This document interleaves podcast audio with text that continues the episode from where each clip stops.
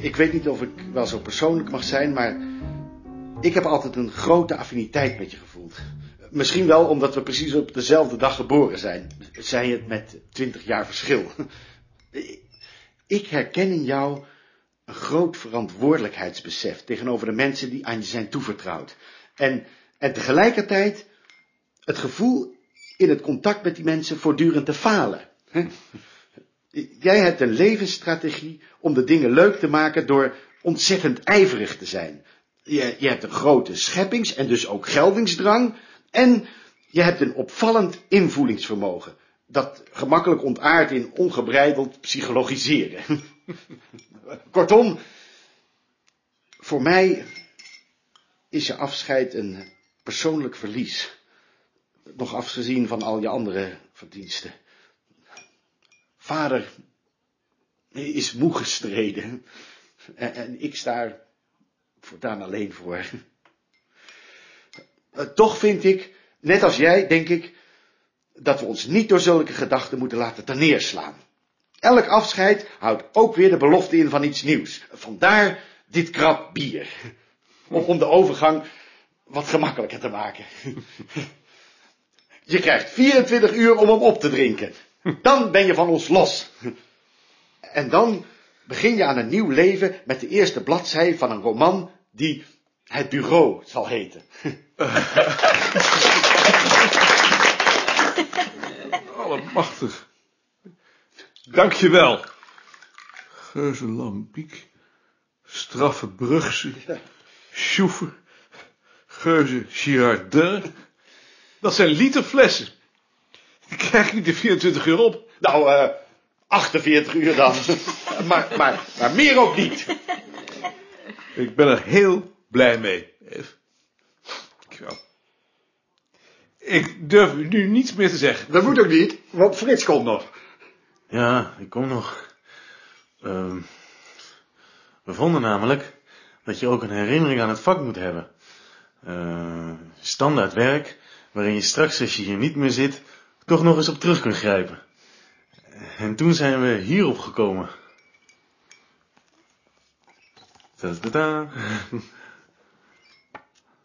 Den koning wat des konings is. Mythes ontmaskerd. De ontwikkeling van een wetenschappelijk fenomeen door de jaren heen.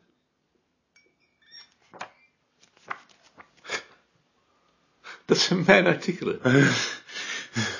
We dachten dat we je daarmee het meeste plezier konden doen. Heb ik zoveel geschreven? Het is maar een keuze hoor. Laat het maar niet aan Van der Marel zien, want dan hangen we. Ik ben er heel blij mee. Wat moet ik daar nu nog op zeggen? Eh, Ben, ik nu aan de beurt? Ja, nu ben jij aan de beurt. Eh, laat ik beginnen met jullie te bedanken. Jullie hebben me met al die cadeaus een enorm plezier gedaan. Is veel meer dan ik verwacht had. ik was met elk van die cadeaus afzonderlijk al heel gelukkig geweest. Per slot van rekening heb ik gewoon mijn werk gedaan en niet eens altijd met plezier. Al zou je dat, als je die twee delen ziet, niet zeggen. Ehm, plezier had ik er eigenlijk alleen in op de ogenblikken dat ik het gevoel had dat ik er niet alleen voor stond. Dat was gelukkig vaak. Dankzij jullie. Jullie zouden dus eigenlijk in die cadeaus moeten delen. Ad heeft eraan herinnerd hoe stuurloos we in het begin waren. Ehm, het vak moest opnieuw gedefinieerd worden. We hebben daar jaren over gedaan. En als ik toen niet de steun van Bart en Ad en later van Sinat had, dan, dan, dan had ik daar niets van terechtgebracht. Dat het nu een duidelijk gestructureerd geheel is, is vooral ook aan hun kritische hulp te danken. En dat het gedragen wordt door een hechte, kwalitatief sterke afdeling, is in de eerste plaats jullie verdienste. En ik bedoel, van jullie allemaal. Eve heeft wel een aardige karakteristiek van mij gegeven, maar Eh, Ik ben me heel goed bewust dat, dat, jullie, de een meer dan de ander, niet altijd ehm, gemakkelijk met mij hebben gehad. Ehm, ik kan daar niet veel aan doen. Het is mijn karakter. Ik ben iemand die zich extreem bedreigd voelt en altijd bezig is zich daartegen te wapenen. Voor jullie betekende dat dat ik jullie behandeld heb als een Gideonsbende. Ik sloot de afdeling af tegen de buitenwereld. eh, Veel meer dan goed voor jullie was. En ik stelde ongewoon hoge eisen aan de kwaliteit van jullie werk. Om haar onkwetsbaar te maken voor de dreiging die ik van de buitenwereld voelde. Dat heeft zijn voordelen. Ik denk dat er niet gemakkelijk een tweede afdeling is te vinden die zo goed is. Maar het is voor jullie natuurlijk ook een druk geweest. Toen Beerta een broerte had gehad, had ik een gevoel van bevrijding. Hoewel hij toch een van de meest tolerante mensen was die je kunt denken. Ik kan me voorstellen dat jullie dat straks ook hebben. En ik kan het je moeilijk kwalijk nemen. Alleen hoop ik dat het tijdelijk is. En ik hoop dat mijn opvolger het jullie gemakkelijker zal maken en dat hij een socialer mens zal zijn. Dat lijkt me het voordeel van mijn vertrek. Het is zo genoeg geweest. Het gaat jullie goed.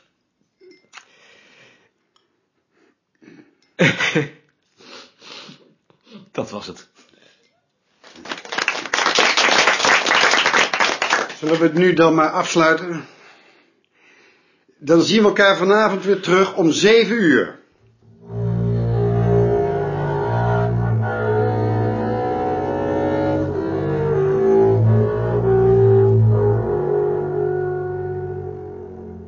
Ik wou nu maar afscheid nemen, want vanavond kom ik niet. Dat is jammer. Want daar zal wel gerookt worden, dus...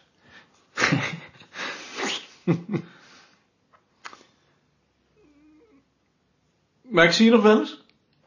Ik denk het wel. Ja. Ik heb het eh, op prijs gesteld dat je mij daar straks ook nog genoemd hebt. Maar dat lag toch voor de hand? Jawel, maar ik stel het toch op prijs. Dank je wel. Dag Bart. Terwijl Bart zich afwendde, bleef hij achter met het gevoel alles verkeerd te hebben gedaan.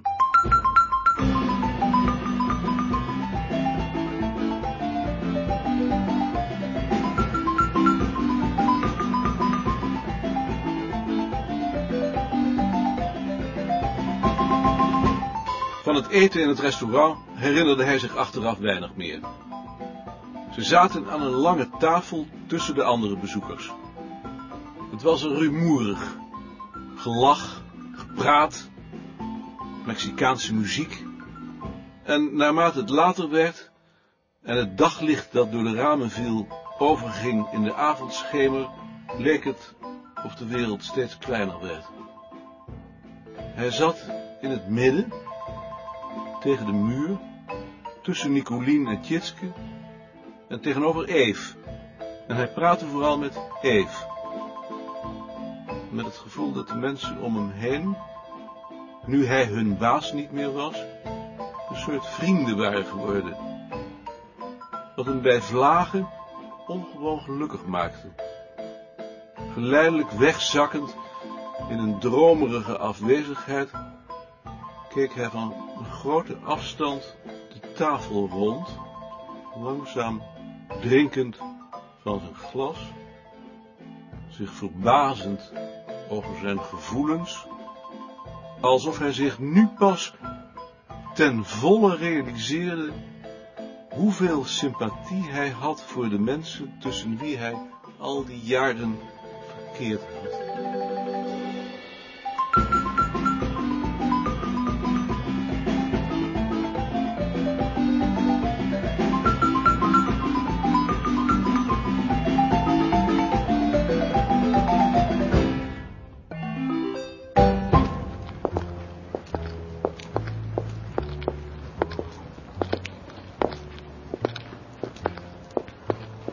Geloof dat ze toch wel op me gesteld waren.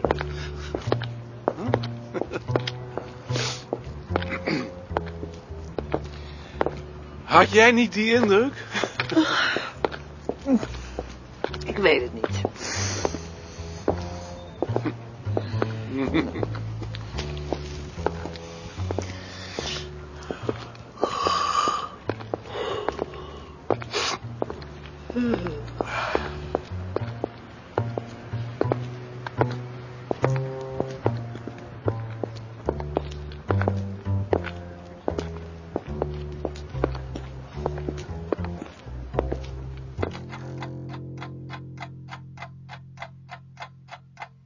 Pas toen hij in bed lag, merkte hij hoe gespannen hij was.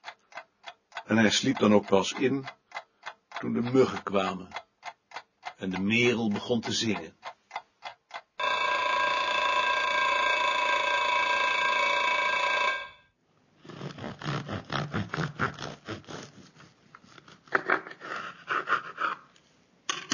Wat ga je nou doen?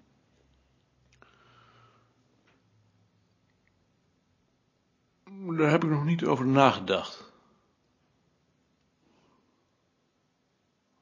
Je gaat toch niet afruimen? Dat zal ik wel doen. Nee, Of had je wel willen afruimen? ik denk dat ik dat wel gedaan had. Maar het is toch geen zondag? Nee, dat is waar. Dus waarom zou je dan nu ineens gaan afruimen? Omdat ik nu natuurlijk niets meer te doen heb. Maar doe je het dan ook zoals ik? Want eerst moeten de katten een beetje boter hebben en Josephine wil altijd wat van de kruimels eten. Ik doe het allemaal volgens een vast patroon. Ik zal het wel op mijn eigen manier doen.